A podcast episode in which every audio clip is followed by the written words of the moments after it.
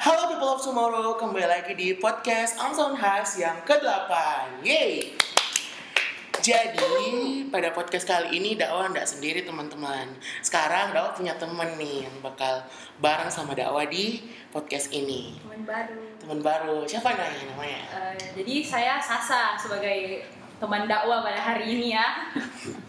Ya, jadi hari ini kita mau bahas apa nih, Sa?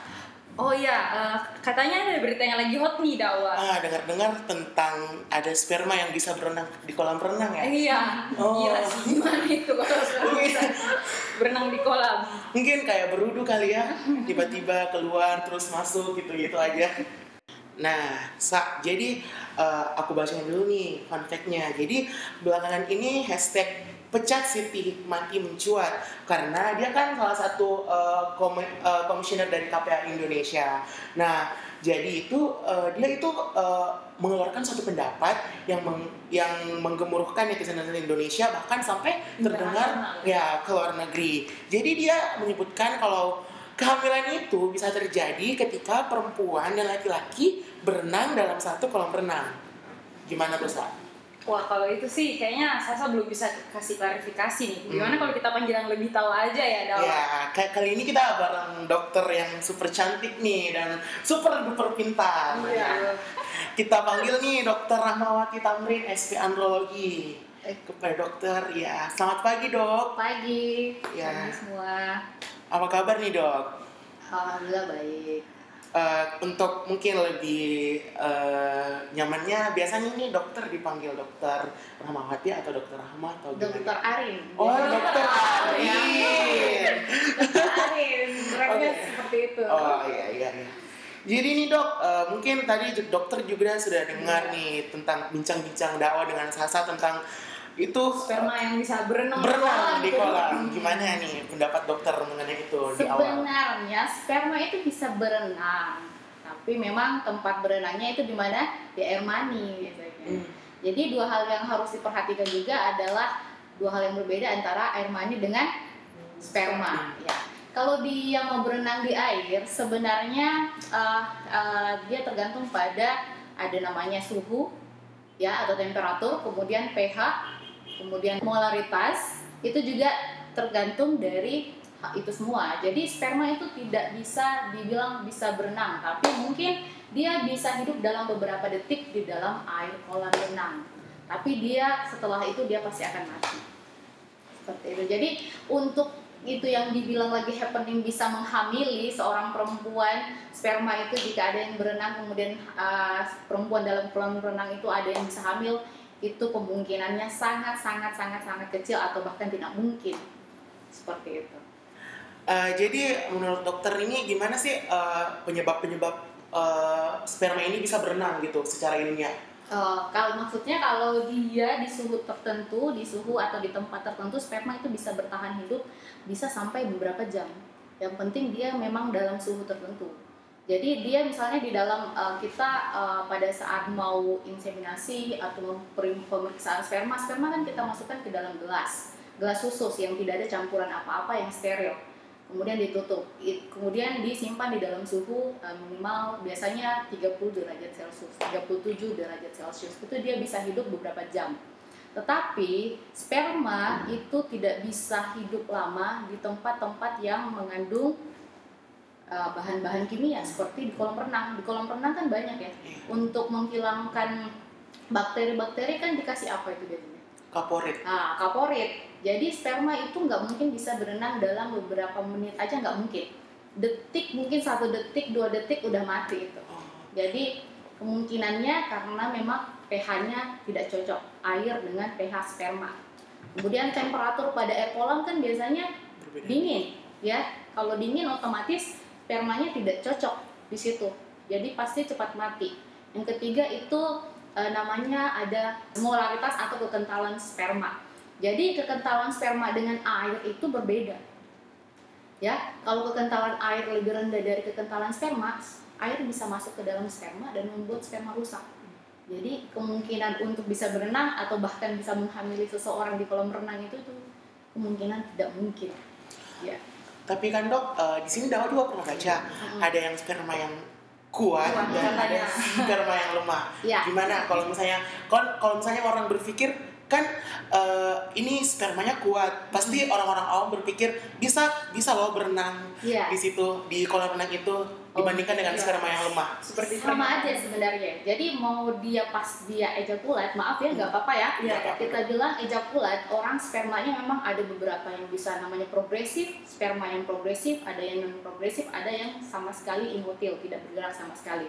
Jadi yang dibilang sperma kuat itu adalah sperma yang progresif. Itu sama aja jika dia di temperatur, di suhu yang beda, di pH yang beda, di molaritas yang beda itu pasti sama juga mati juga dalam beberapa detik. Mau sekuat apa pun. Jadi nggak ada perbedaan antara lemah lemah pasti sudah tidak bisa bergerak sama sekali ya pas ejakulat tapi yang kuat akan mati sesaat setelah dia keluar setelah menyentuh air. Seperti itu. Jadi kalau kayak mekanisme bank sperma itu kayak gimana ya dok? Soalnya kan Ah. tadi dokter udah jelasin ini ada gitu. Iya, Terus ah. gimana cara mereka maintain Mm-mm. biar eh, spermanya itu tetap Hidup. tadi ya? Oh, jadi kalau bank sperma itu sebenarnya ada namanya freezing sperma. Jadi sperma itu dibukukan dalam suhu di bawah 100 derajat Celcius.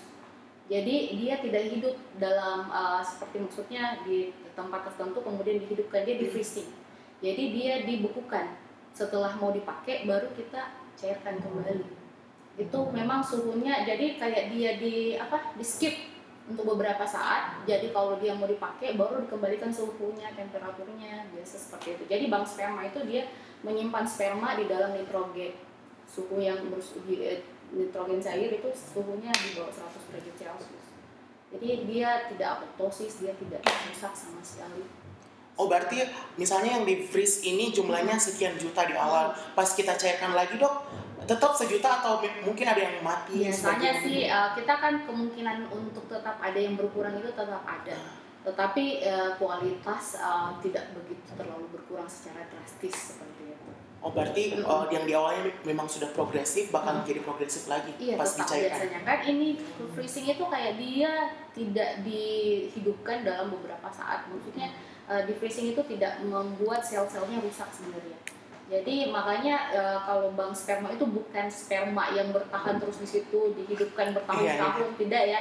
Biasanya di di freezing semua itu orang kalau mau ini juga misalnya bayi tabung yang paling uh, misalnya ada orang yang kita ambil spermanya langsung dari testis. Biasanya kan untuk supaya menjaga tidak dirusak testisnya lagi spermanya itu di freezing juga sampai dia mau uh, melakukan bayi tabung seperti itu jadi semua sperma itu tidak di tidak dibiarkan hidup kalau mau di bank sperma mau di uh, bayi tabung biasanya untuk sementara lebih dari tiga jam itu pasti dibekukan dulu sebelum dipakai lagi Kalau untuk lama Penyimpanan. penyimpanan itu sperma di bank sperma sampai berapa tahun? kalau untuk di freezing sampai bertahun-tahun pun bisa Oh. tapi biasanya ada ada jangka waktunya sih uh, se- terserah dari uh, orang tersebut tapi bisa sampai lima tahun enam tahun tujuh tahun bisa Tapi itu nggak merusak kualitas sama sekali kan dok? Walaupun sudah Ah. kayak lima tahun gitu, enam tahun.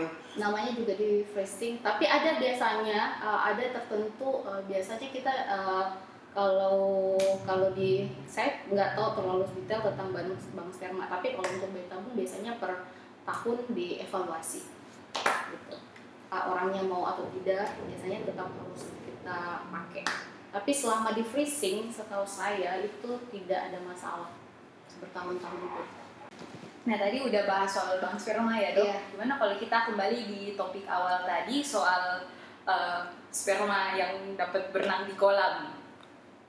Eh, ini dok, eh, gimana sih proses, Proses kehamilan itu dok. iya iya jadi penyatuan sperma dan Dan ovum itu? Ah, kenapa uh, pada uh, teori bahwa sperma tidak akan susah uh, dihamili jika ada di dalam air ya?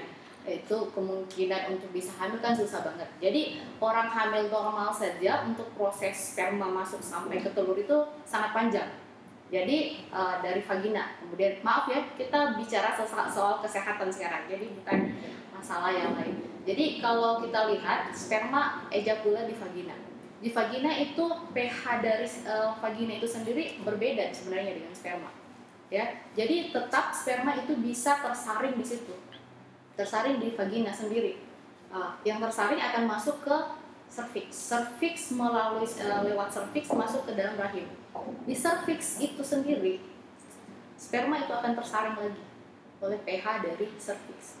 Jadi semua akan tersaring. Jadi memang kenapa sperma itu uh, kita bilang biasanya untuk laki-laki subur itu jumlahnya harus banyak. Karena setiap fase dari uh, proses pertemuan sperma dan ovum itu disaring terus. Masuk lagi ke rahim, belum kan sampai di tuba. Yeah. Jadi proses pertemuan antara sperma dan uh, ovum itu adanya di mana biasanya? Di tuba falopi. Jadi setelah itu masuk lagi ke tuba falopi harus lewati rahim lagi, disaring lagi itu. Jadi sampai tuba falopi itu sebenarnya sperma yang ada itu mungkin sisa sedikit. Mungkin misalnya dari 100 juta ya atau bilanglah dari normalnya sperma yang kita katakan uh, subur itu 20 juta, 15 juta ke atas, bilanglah 20 juta. Mungkin yang sampai ke tuba itu mungkin sisa satu juta atau 500 ribu seperti itu. Jadi memang tinggal sedikit dan yang paling bisa masuk adalah sperma yang paling kuat, yang paling bagus, progresifnya paling bagus. Jadi untuk bisa sampai sperma ke tuba untuk proses kehamilan memang uh, saringannya panjang, saringannya banyak. Jadi kalau di air uh, lebih lagi orang maksudnya orang misalnya mbak maaf ya uh, berhubungan di air pun kemungkinan hamilnya lebih kecil daripada orang berhubungan di tempat biasa apalagi dikatakan spermanya sendiri masuk ya, sendiri, sendiri. Secara sendirinya iya. dalam untuk bisa menghamil itu sangat tidak mungkin. Seperti itu. Walaupun ada satu sperma kuat ya dia tersaring lagi ke mana ke mana ke mana. Gitu. Nggak nggak akan sih. Apalagi nih dok mau menembus uh, baju renang dulu baru baju renang dulu masuk Terus, lagi itu kayak hal yang kayak hal yang tidak mungkin gitu. Sperma nggak bisa menembus uh, sesuatu yang ini ya maksudnya selain vagina ya. selain iya. selain medianya yang misalnya vagina cervix kemudian masuk ke rahim nggak mungkin pak uh, sperma itu bisa menembus kain gitu. Jadi apalagi sulit. Nah apalagi kalau kita lihat uh, baju renang itu kan lumayan tebel ya dok? Iya.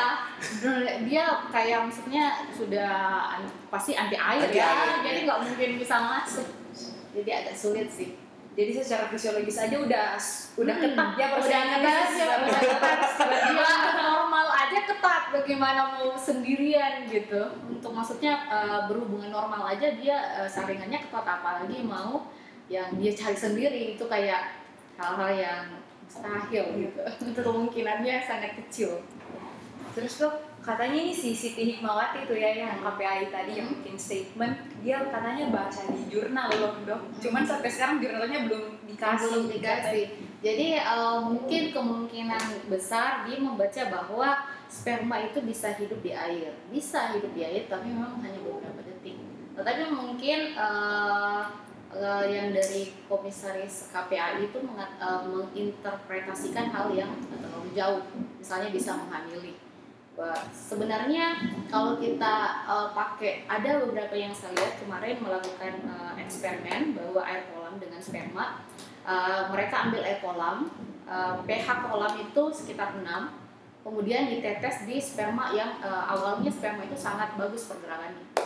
Jadi bagus banget pergerakannya. Ya sangat bagus progresifnya sangat bagus. Kemudian setelah ditetes dengan air dari kolam kemudian dilihat kembali di dalam mikroskop semua sperma yang tadinya bergerak dengan cepat langsung semuanya imotil tidak bergerak sama sekali. Jadi itu menandakan bahwa uh, memang sperma itu tidak hanya beberapa detik bisa bergerak kemudian dia akan tewas. tewas. Sendiri masalah imotil langsung tiba-tiba. Kita imotil kan belum tentu dia uh, langsung mati. Tapi maksudnya kalau sudah tidak bergerak ya tidak bisa diapa-apain spermanya tidak akan bisa berenang sama sekali. Jadi itu ya, eksperimen kecil aja sudah membuat kita bisa uh, uh, mengetahui bahwa yang tidak mungkin sperma bisa berenang di air kolam apalagi dengan bahan-bahan kimia yang lain. Air kolam yang tidak ada bahan kimia pun atau cuma dia dingin aja sperma bisa hidup hanya beberapa detik apalagi dengan bahan-bahan kimia.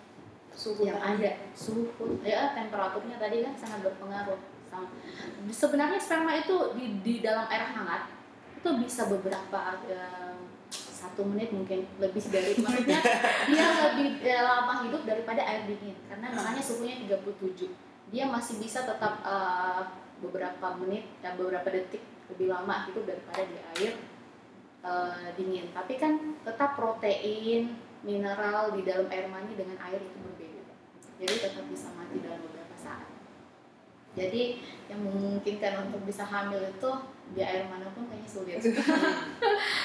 Selain di Se- selain di tempat khusus. Jadi kalau kita misalnya saya jelaskan aja ya.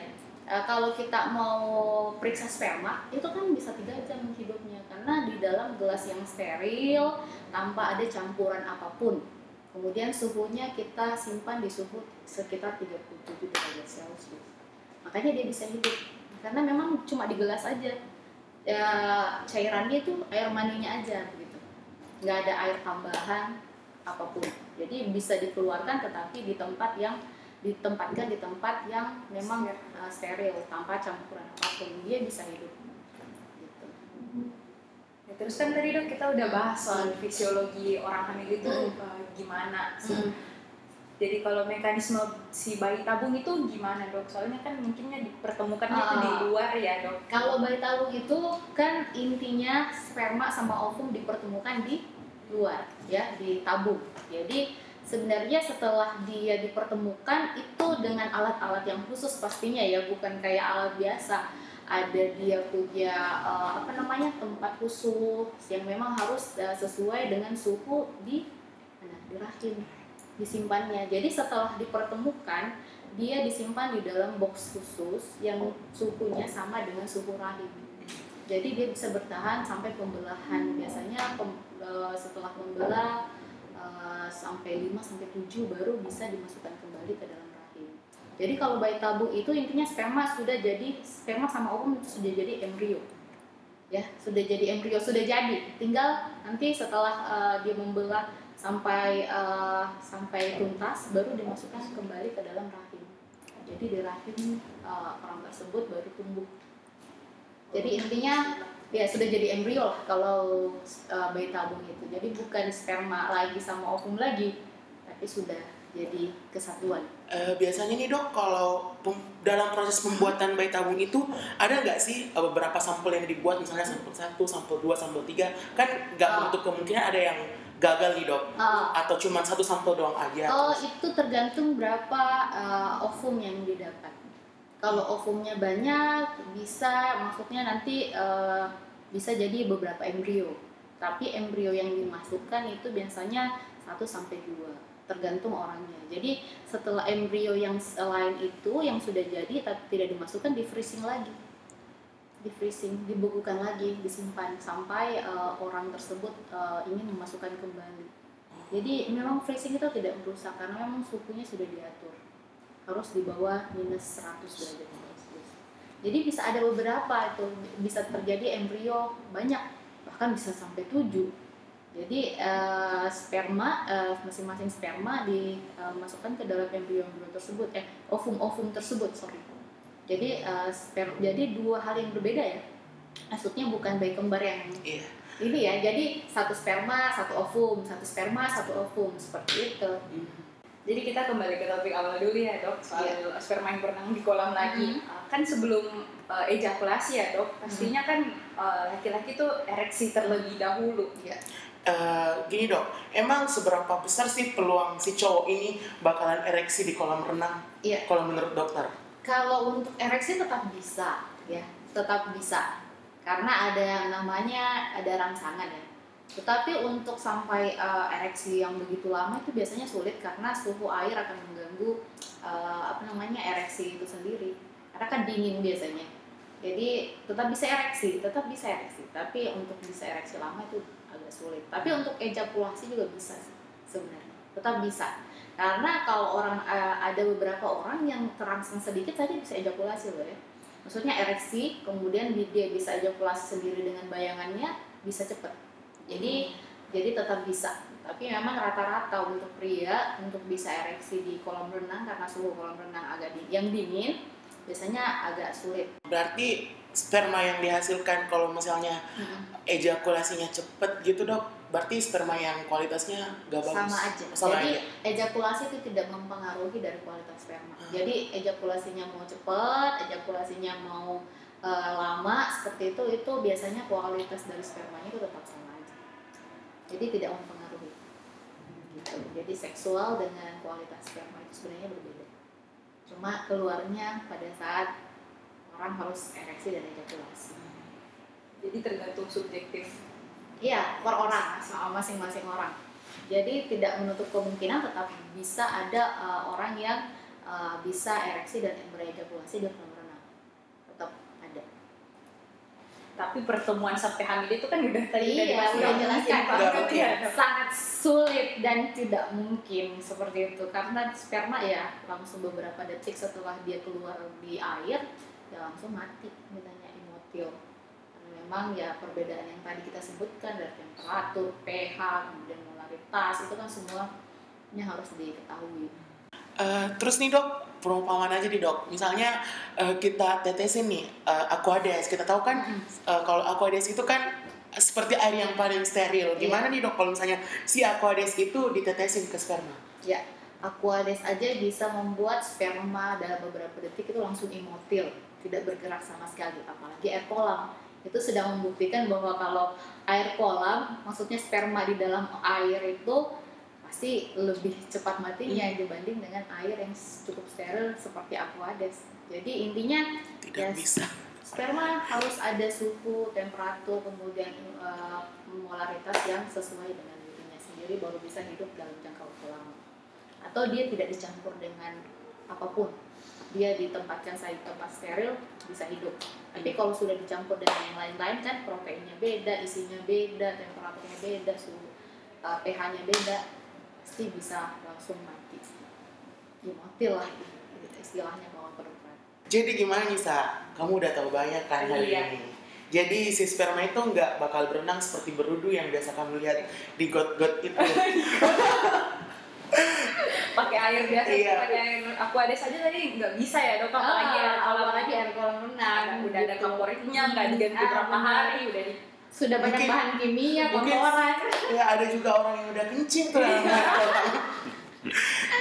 Jadi teman-teman intinya dari penjelasan dokter Arin tadi nih, gak mungkin si sperma ini bakalan bisa menembus masuk ke dalam vagina si cewek ini dan bisa membuatnya hamil. Apalagi yang kita tahu pakaian renang itu pakaian pakaian yang anti air, terus tebel juga. Mana mungkin si sperma bisa dengan kuatnya tembus masuk ke dalam si vagina si cewek ini dan bisa membuat hamil. Kalau kamu sendiri, Sa? Ya tadi kan juga udah dijelaskan ya tuh proses Ah. kehamilan secara normal aja itu spermanya harus berkompetisi Hmm. dengan sangat ketat supaya bisa masuk. Ah, Iya nih Sa, kebetulan aku juga baru dapat notif baru nih. Katanya si Siti Hikmawati ini sudah keluarin video klarifikasi Oh, dan minta maaf tentang statement yang dia keluarkan uh, beberapa minggu yang lalu. Nah, makanya teman-teman kalau misalnya kita mau keluarin suatu pendapat, statement atau apa pun itu, kita harus berpikir dulu apalagi kalau kita mau sebarkan secara luas ke internet. Makanya hati-hati ya, gengs. Terus buat untuk masyarakat luar juga kalau terima informasi apalagi dari internet ya jangan langsung dipercaya-percaya aja gitu. Meskipun yang bilang ini eh, bisa dibilang sebagai ya di KPAI tapi ya masih ada harus dievaluasi lagi perkataannya terlebih dahulu gimana dakwah. Ya begitu. Biasanya kan uh, mereka uh, contoh si uh, Ibu Siti Hikmawati ini cuma membaca dari jurnal dan langsung berpendapat walaupun hanya satu jurnal begitu dan langsung berpendapat tentang ini loh bisa bikin hamil, ini loh bisa bikin ini. Tapi kan secara ilmiah dari penjelasan dokter juga tadi itu sesuatu yang tidak mungkin. Makanya kita harus berhati-hati dan mungkin lebih teliti dalam uh, membaca suatu jurnal atau membaca suatu statement dari sebelum mengeluarkannya. Gitu. Jadi untuk podcast hari ini mungkin uh, kita sampai di sini saja dulu. Jadi buat kalian yang mau tahu info-info lebih lanjut nih, kalian bisa cek di website Amsaunhas di www.amsaunhas.org. Jadi selain itu kalian juga bisa kepoin Instagram kami di @amsaunhas. Nah, terima kasih banyak nih kepada Dokter Arin yang hari ini sudah menyempatkan waktunya dan bagi-bagi banyak sekali ilmu kepada kita semua ya saya. saya. Jadi mungkin teman-teman yang mau tanya eh, Dokter Arin atau mau tanya-tanya lebih lanjut lagi, nanti kita bakalan tag eh, Instagram dok, Dokter Arin ini di IG Saunhas. Selain itu mungkin kalau misalnya dok eh, teman-teman mau konsul langsung nih ke dokter, biasa ke mana? Saya, saya uh, prakteknya di Telkom Medika Ratulangi sama di Rumah Sakit Siloam pagi. Oh iya. Jadi teman-teman bisa ke yang disebutkan dokter Arin tadi ya. Jadi terima kasih semua teman-teman sudah mendengarkan podcast kali ini. Saya Dawatul Hair, pamit undur diri dan Saya Sasa Sanusi juga mau keluar keluar. Jadi sampai jumpa di podcast-podcast Om Soundhouse selanjutnya. See you. you.